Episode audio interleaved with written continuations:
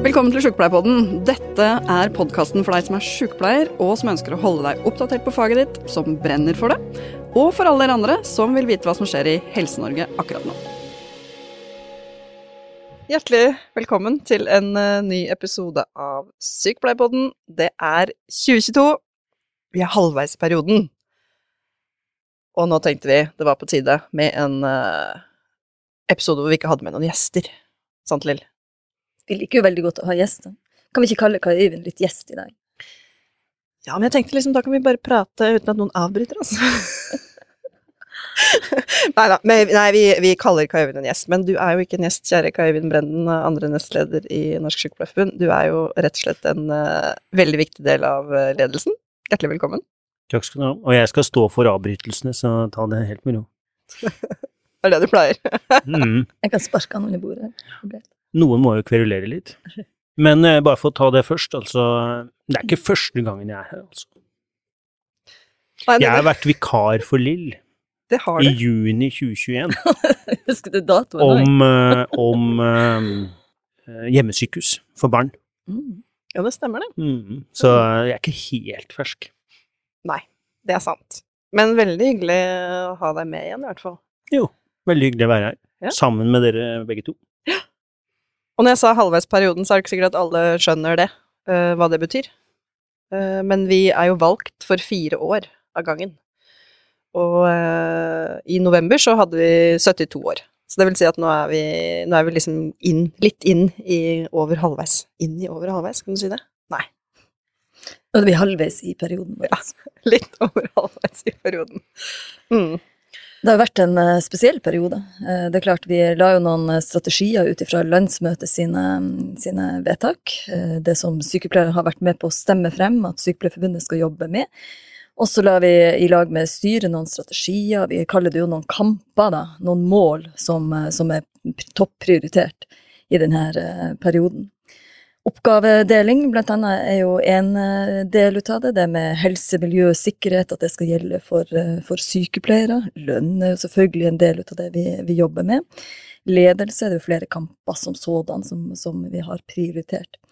Og så kom det jo en pandemi, som vi fortsatt står i, sånn at eh, det er jo ikke mm, Også vår organisasjon har jo jobba ekstremt mye knytta til pandemien og alle de spørsmålene som kom opp eh, kom, og kommer opp der for våre medlemmer sin del.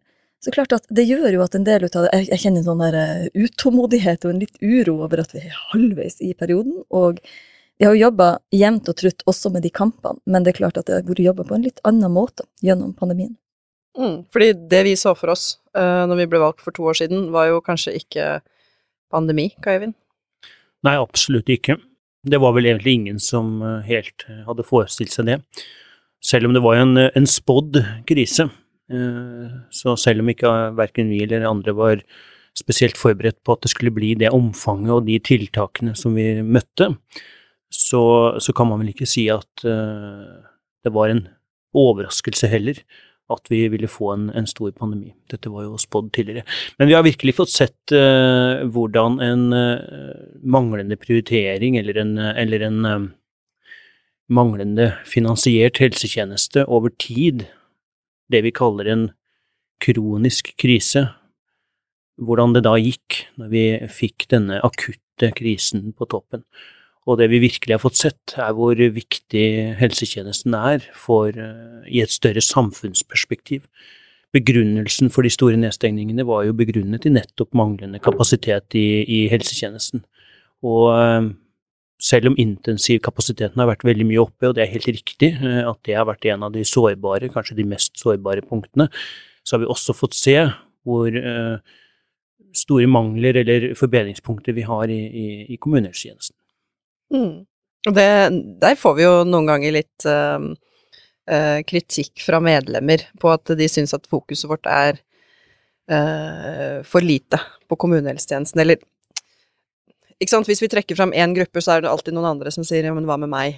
Det, det har vi snakka mye om, fordi det er jo ikke sånn at vi bare jobber med intensivkapasitet, for eksempel, Køyvind, men mediene har jo vært veldig opptatt av det.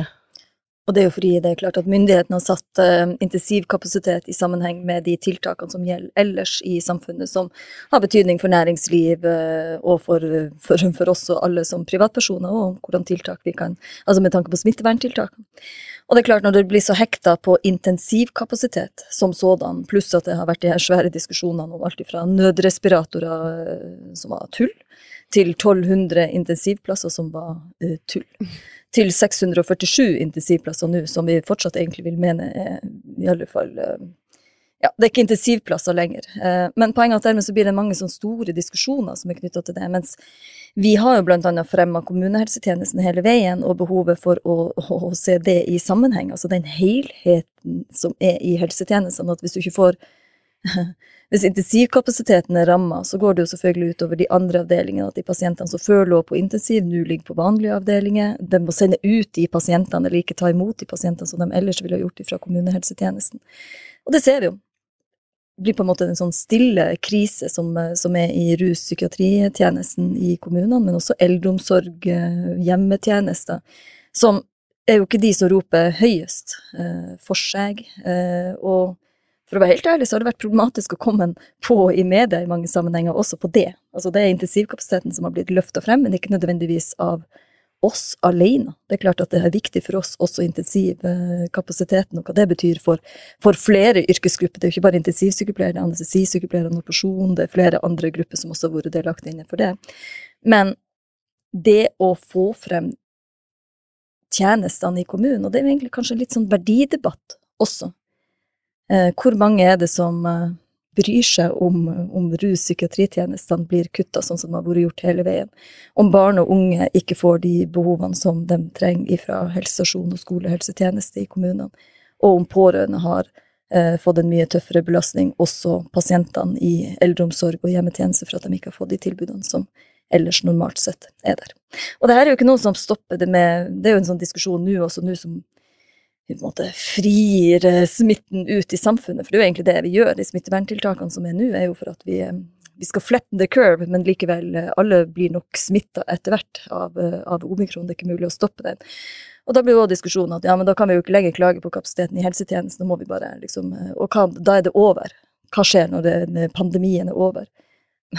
men det har jo vært sånn her før. Som Øyvind sier, det er en kronisk krise før, og det er jo enda forsterka og forverra gjennom pandemien. Så akkurat for kommunehelsetjenestene er jeg særdeles urolig for, også i etterkant av en pandemi. Og så syns jeg vi skal understreke noe av det Lill sa her, for det har virkelig vært uh, viktig for oss. Og vi har kanskje ikke vært gode nok på å synliggjøre den innsatsen. Landsmøtet i 2019 vedtok jo at vi skulle nedsette et prosjekt knytta til psykisk helse og rus. Mm. Uh, det prosjektet går, og det leverer godt. Uh, men det er ikke noen tvil om at pandemien har rammet også mange av de sårbare gruppene i samfunnet som sliter med psykiske lidelser eller eh, rusproblematikk, på en veldig hard måte. Og dette er, som, som Lill sier, grupper som ikke sier ifra selv. De, de aksepterer et redusert tilbud med dårligere helse, som, eh, som, konsekvens. Og vi har jo sett noen eksempler i media, vi så det senest denne uken her, om unge mennesker som eh, kommer i en situasjon hvor de enten får alvorlige psykiske lidelser, eller etablerer eller gjenopptar eh, rusbruk eller rusmisbruk på en måte som, som gjør de alvorlig syke, eller i verste fall at, at de dør. Og det er eh, en, en, veldig alvorlig situasjon som kanskje har vært underfokusert generelt i media. Og vi har hatt mye fokus på det, men kanskje ikke vært tilstrekkelig oppmerksom på også å løfte det frem i, i samfunnsdebatten. Så 2022 blir åpenbart et år hvor, hvor, det også må bli tydeligere fra vår side at konsekvensene av eh, denne pandemien for mange av ikke bare de unge men, men, mennesker generelt i samfunnet som, som sliter med, med, psykisk helse- og rusproblematikk, må sikres god helsehjelp. Det tror jeg vi nesten må, må love medlemmene våre. Ja, det syns jeg er et uh, godt mål på, liksom på vei ut av pandemien også. Og så skal vi komme litt tilbake til hva som venter oss i 2022, for det kommer til å bli et uh, heftig år. Men Lill, du, du beskriver deg sjøl som litt mollstemt uh, innimellom. Jeg syns det er så flott, uh, flott uttrykk. Men du vil gjerne liksom Og så ønsker du å være optimistisk, da. Nå, hva er det som Ikke bare at- ønsker, jeg er optimistisk Ja. også, men jeg har en sånn eh, Jeg tror jeg er født mollstemt. Mm. Hva er det som gjør at du kan være litt optimistisk inn i året som kommer, da, tenker du? Ligger en optimisme i, um, i sykepleierne optimisme i så måte, i samfunnet sin optimisme. Vi vet jo at ut ifra enhver krise så kommer det jo, eh, det er jo veivalg, ikke sant? Det kommer noe godt ut av det. Jeg har trua på folkene, våre folk, sykepleierne, jeg har trua på helsetjenesten, jeg har trua på eh, den tilliten vi har eh, i samfunnet in general. Så selv om det kan virke tøft, og det er litt når, når krybba er tom, så bites hestene, ikke sant? Det kan virke litt tøft og litt polarisert per nå, så har jeg trua på at likevel at vi finner en retning som kan bli bedre for helsetjenesten på sikt. Kanskje trengte vi denne krisen for å faktisk eh, rigge, organisere, finansiere eh, eh, helsetjenestene riktig. Eh, ikke bare sykehusene, men se det i sammenheng med kommunehelsetjenesten. Bruke kompetansen er riktig. At sykepleierkompetansen blir brukt til det vi er utdanna til, og ikke som alt mulig person, eh, uavhengig altså av effektivitetsårsaker. Um, at vi får uh, rigge organisasjonene med, med tanke på legetjenesten også, sånn at vi får både leger og avansert klinisk sykepleiere og sykepleiere og helsefagarbeidere ut i hele landet. Sånn, så kanskje trengte vi en sånn her type krise for å få øynene opp for helsetjenesten sin kapasitet som helhet, og ikke minst hvordan den henger sammen med, med muligheten til å drive næring, til, altså til å kunne leve og bo og jobbe og leve gode liv i hele Norge. Og kanskje trenger vi en sånn her type krise også for å åpne øynene for det globale. Sant? Ingen er trygg før alle er trygge, som vi ser veldig veldig tydelig gjennom vaksineringsstrategier, sånn som her nå.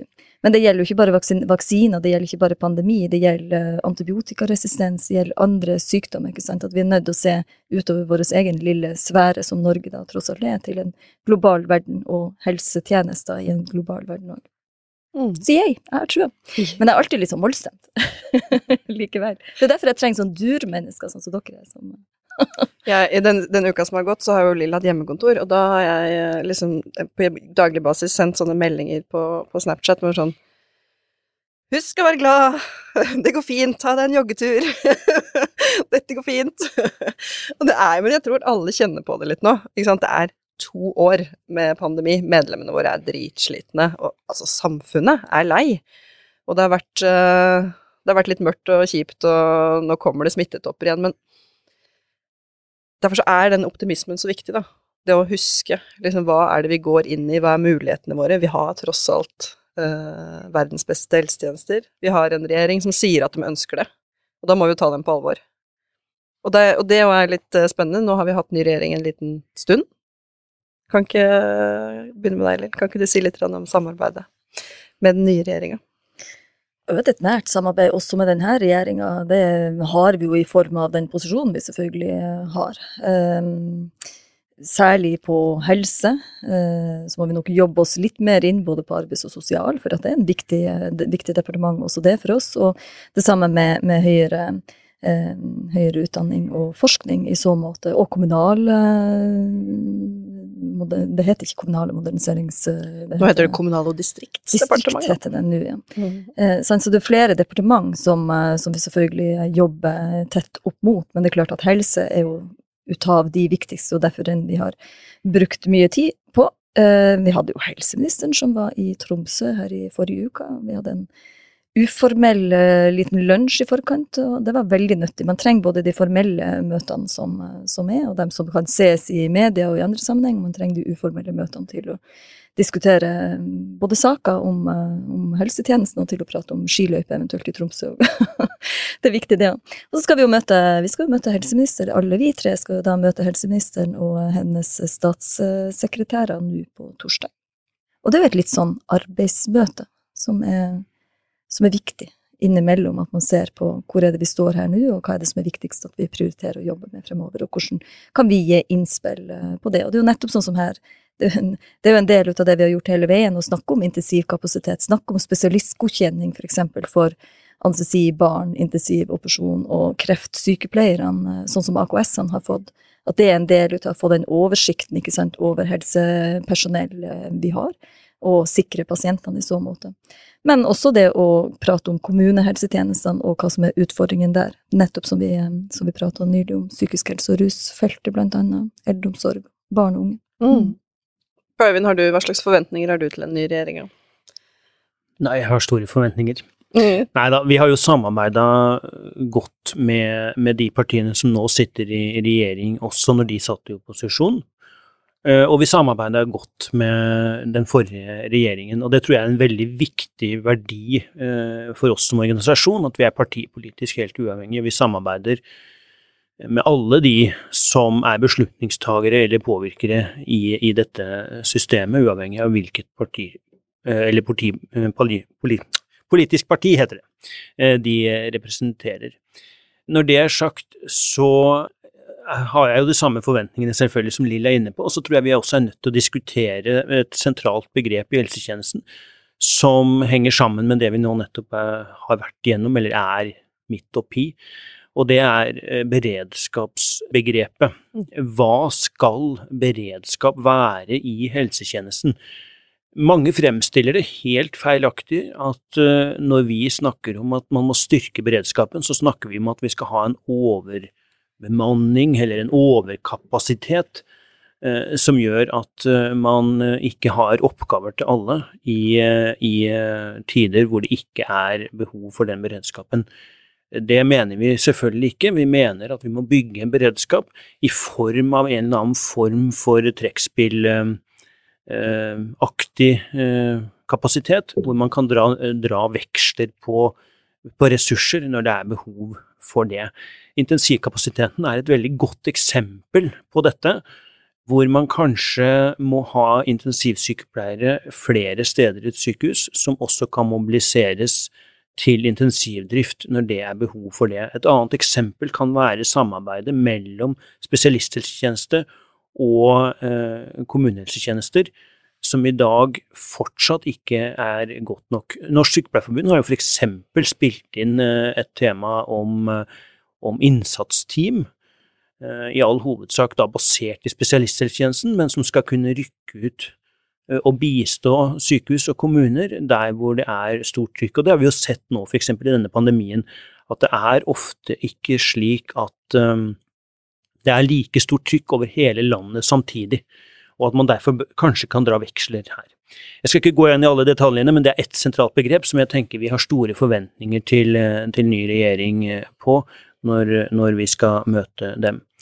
Ellers er det jo verdt å nevne at vi nå er i en situasjon hvor vi også har gått fra å ha en, en, en, en flertallsregjering som i stor grad styrer veldig alene, og dermed setter de andre partiene på, på, Stortinget litt ut av spill, hvis vi skal bruke sånne kraftige ord. Nå har vi en mindretallsregjering, avhengig av Stortinget i mye, mye større grad, og det gjør det på den ene siden mer krevende, litt mer uforutsigbart, fordi det er litt sånn usikkert hva som skjer da. På den annen side så gir det selvfølgelig også mulighet for oss i større grad til å spille på enda flere eh, partier for å, å påvirke hvilken politikk som, som, blir vedtatt. Så det er både utfordringer, men ikke minst også noen, noen fordeler med det. Så det er vel oppsummert mine forventninger. Mm.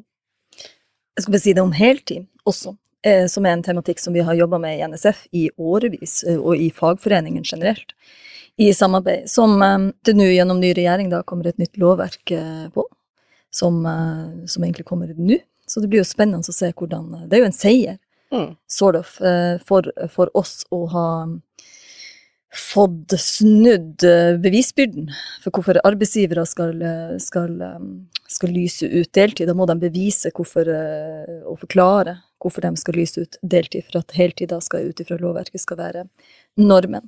Og det er en sak som har vært viktig for oss, som, som jeg tenker vi også skal ta en sånn eierskap til. Det har vi jobba med i årevis. Endelig har vi fått det, fått det til. Og det er jo nå da gjennom Arbeids- og sosialdepartementet som, som følger opp den saken.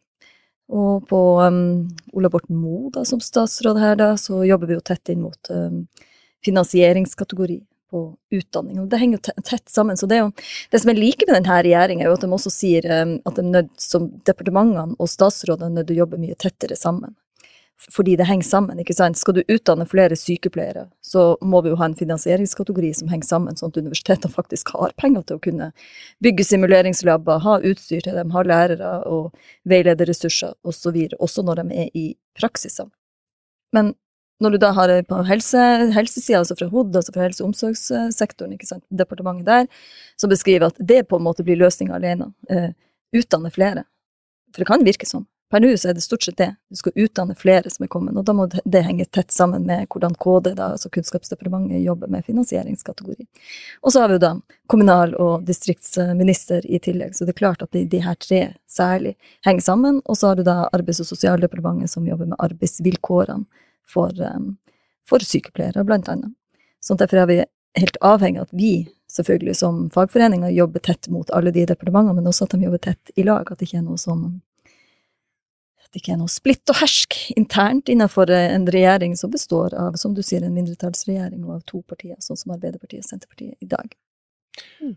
Og jeg syns du eh, er inne på noe veldig viktig, eh, igjen for å understreke det. En eh, løsning er selvfølgelig å utdanne flere, det er vi jo enig i. Men det er også viktig for oss, og det gjenspeiler seg også i politikken vår veldig tydelig. Landsmøtet i Norsk Sykepleierforbund er ofte veldig klokt det er at vi må uh, iverksette tiltak uh, også for å beholde det personellet vi, vi har ute. Og, og, det har vi nok sett noen grove eksempler på under pandemien, at man ikke er så opptatt av. Vi har inngått avtaler f.eks. Med, med kommuner og sykehus som nok i stor grad har blitt strukket langt. Vi vil vel mene kanskje for langt i noen henseende, men i hvert fall så så er deler av det personellet som skulle jobbe under pandemien, vært strukket um, i overkant av hva som er uh, fornuftig ut ifra et helseperspektiv.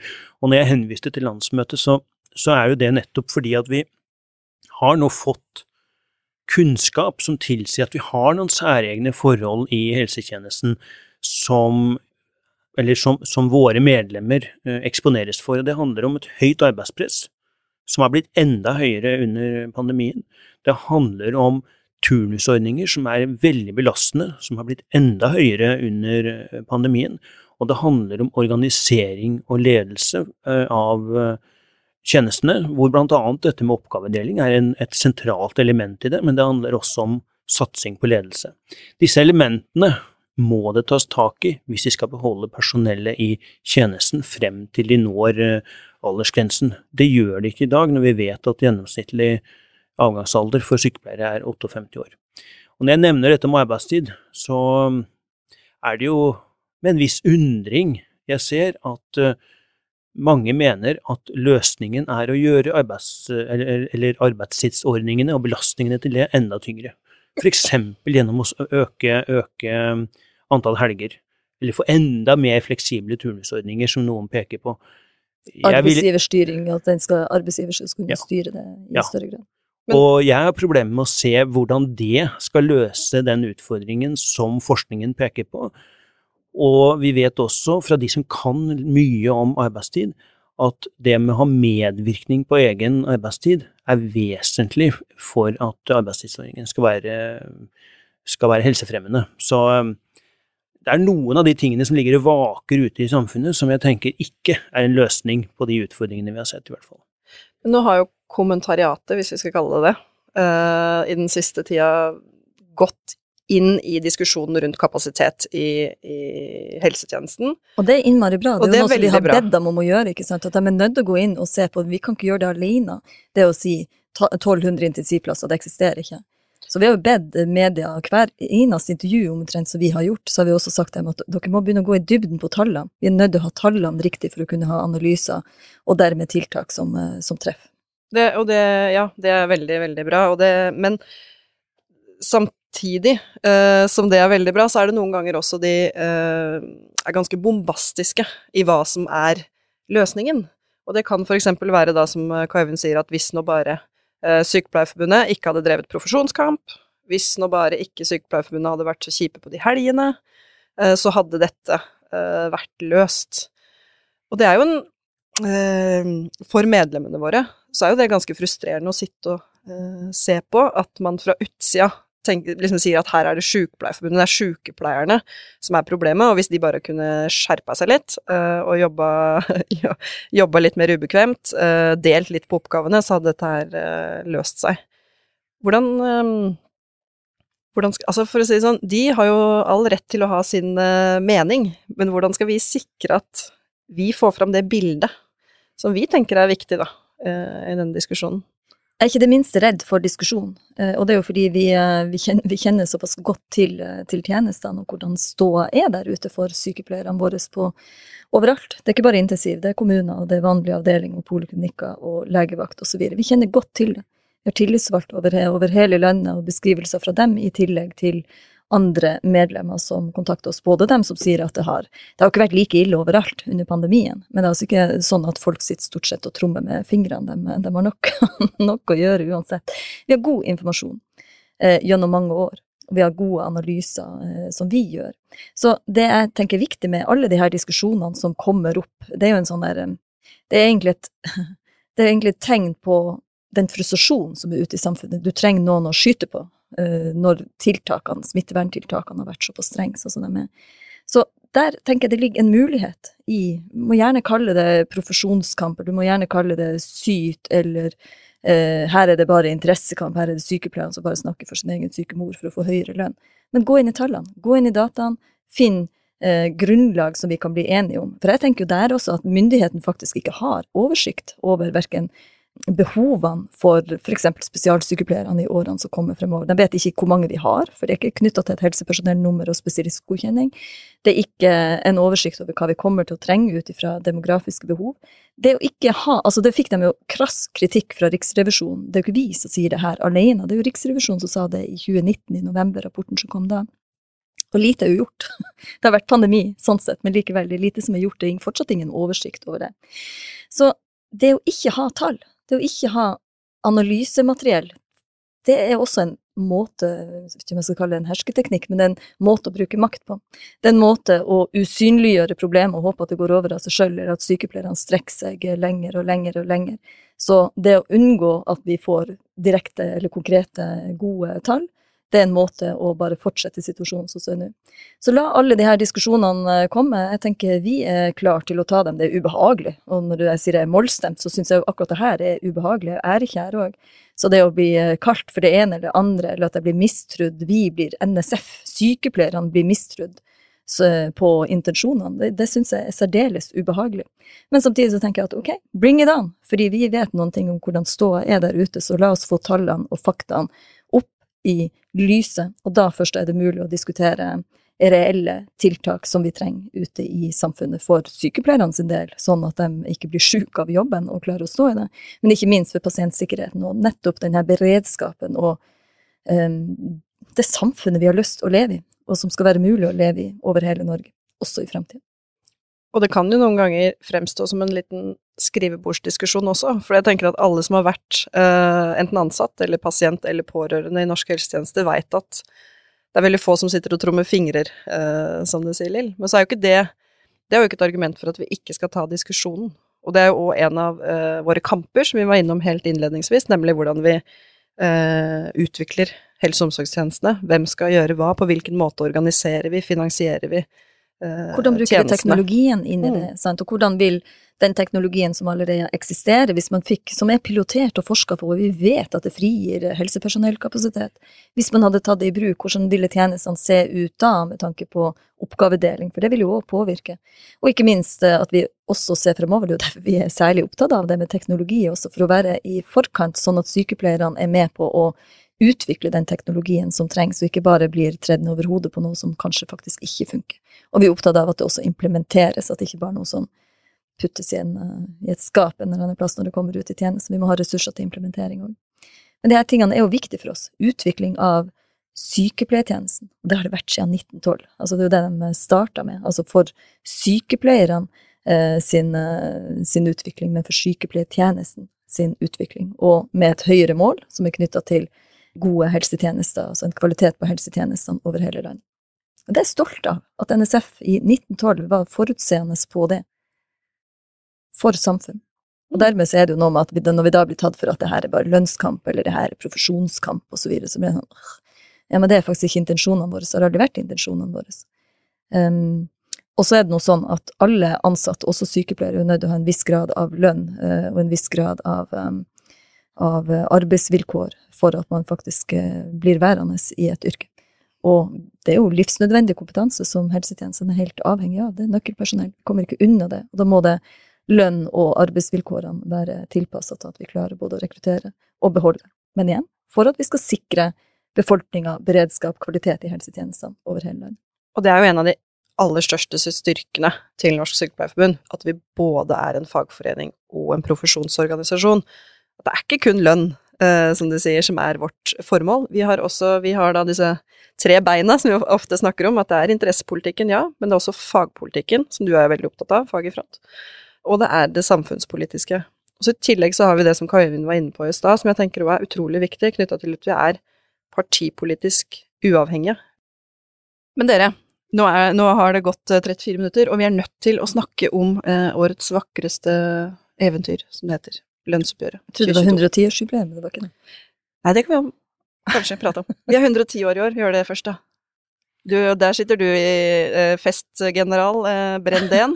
sitter, sitter der. Ja, vi er i gang med å planlegge 110-års Eh, bursdag.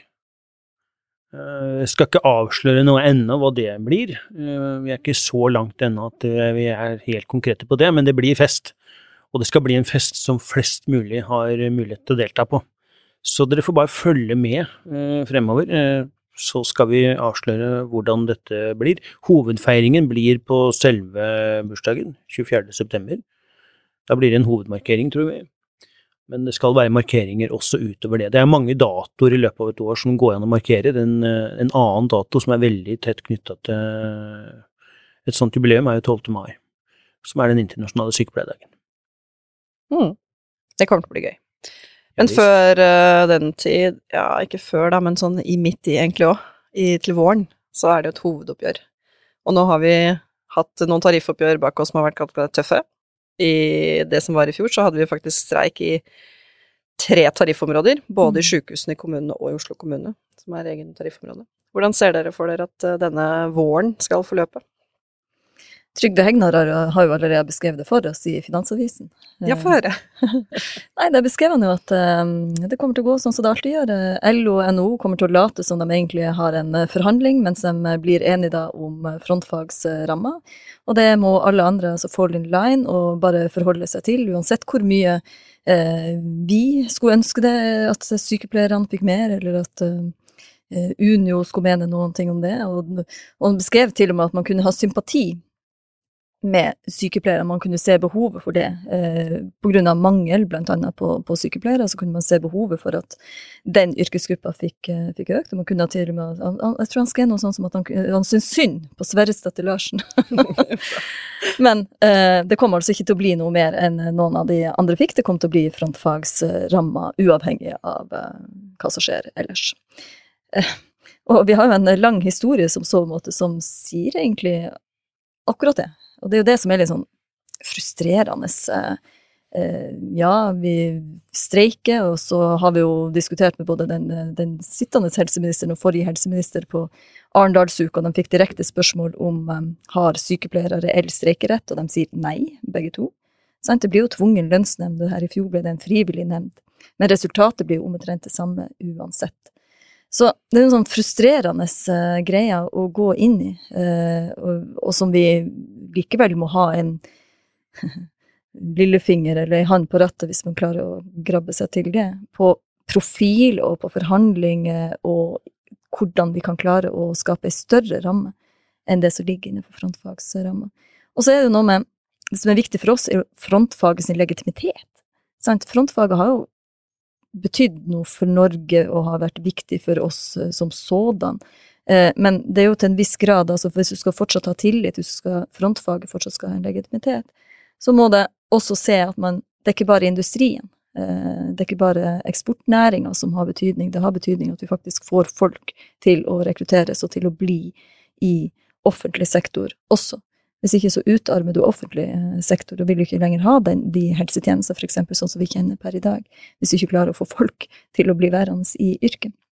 Så den, den den liksom kampen om å forstå Holden 3, som det heter da innenfor frontfagsforståelsen, at frontfaget trenger, som blir forhandla frem av, av LO og NHO, er ikke et diktat, det er en norm. Og når enkeltgrupper, når det er behov for det i samfunnet, så kan enkeltgrupper noen år få mer, nettopp for å sikre nødvendige eh, kompetanse i andre sektorer også. Så det er den forståelsen av det som er viktig at vi, vi klarer å få frem. Um, og så er det jo Jeg har jo prata før om den der eh, fjellturene som jeg går innimellom, og jeg en gang så ble jeg sittende fast på et fjell i, i, i Tromsø, det heter Store Blåmann, og egentlig litt sånn småskummelt fjell, syns jeg. Første gang jeg gikk, var jeg satt fast på ei fjellhylle, jeg klarte ikke å komme meg opp, og tenkte at ned skal jeg nå iallfall klare å komme, men jeg tar nå og spiser maten min imens. Men det var litt irriterende, så det var liksom ganske nær toppen, men jeg kom ikke der lenger. Og så kommer det en mann etter hvert litt lenger ned, og så sier han ja, du sitter her, ja.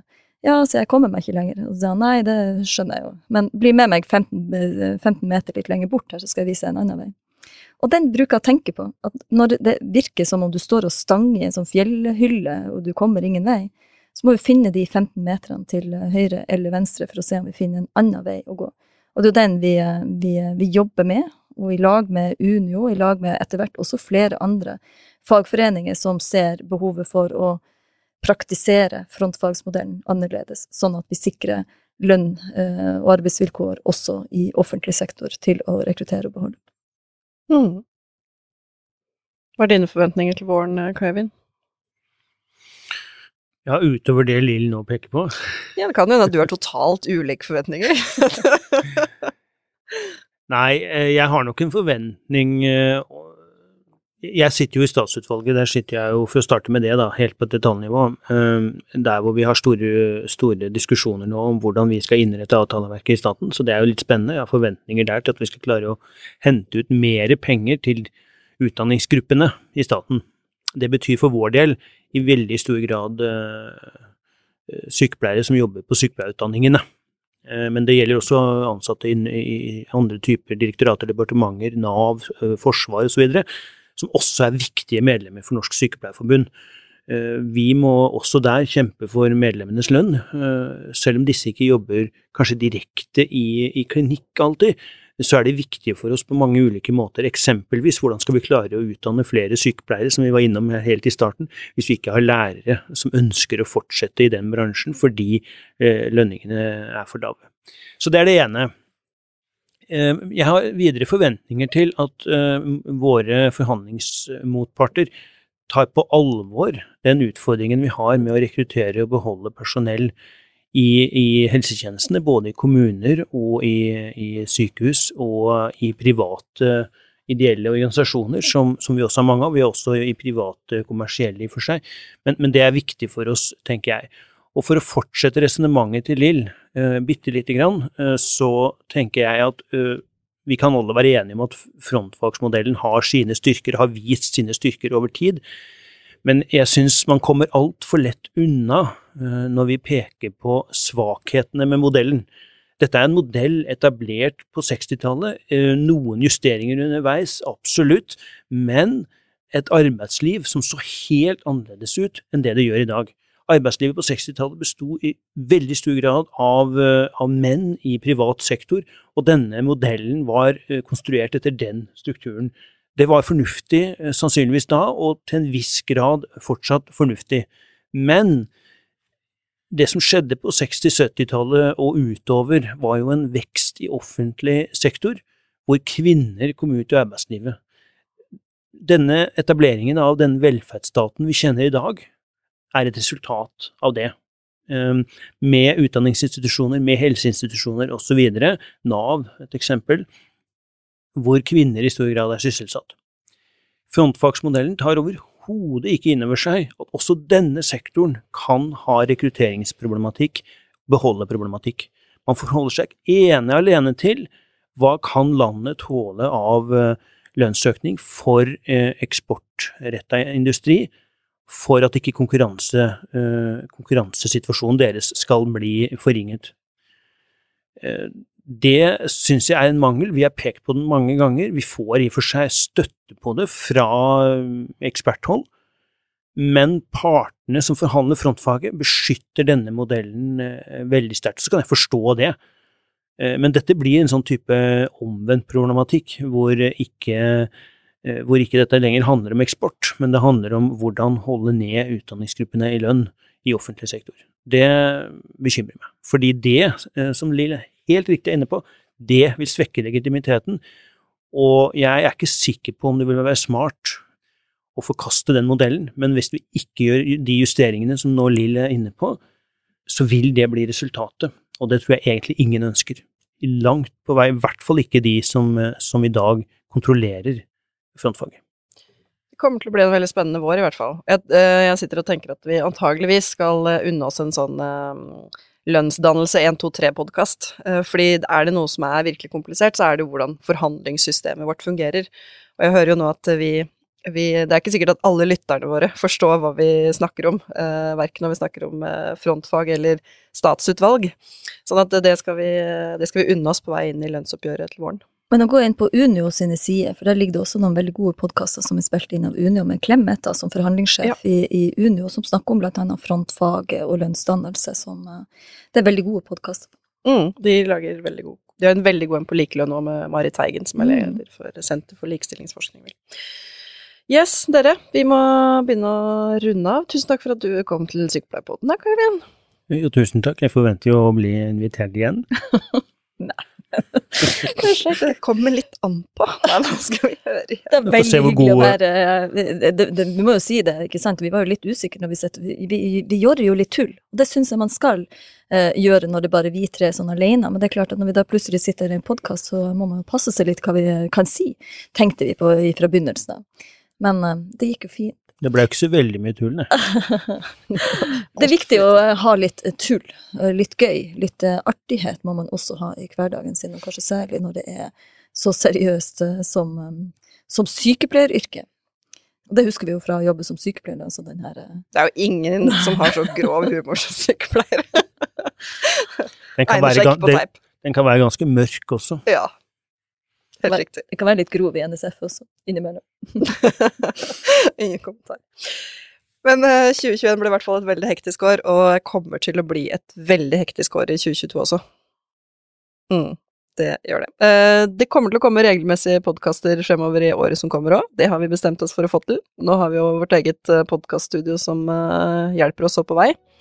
Så neste episode, da skal dere få bli kjent med Helsesenteret for papirløse, som eh, er her i Oslo, som er et eh, ganske unikt tilbud til en gruppe mennesker som ikke har lovlig opphold i landet. Så følg med.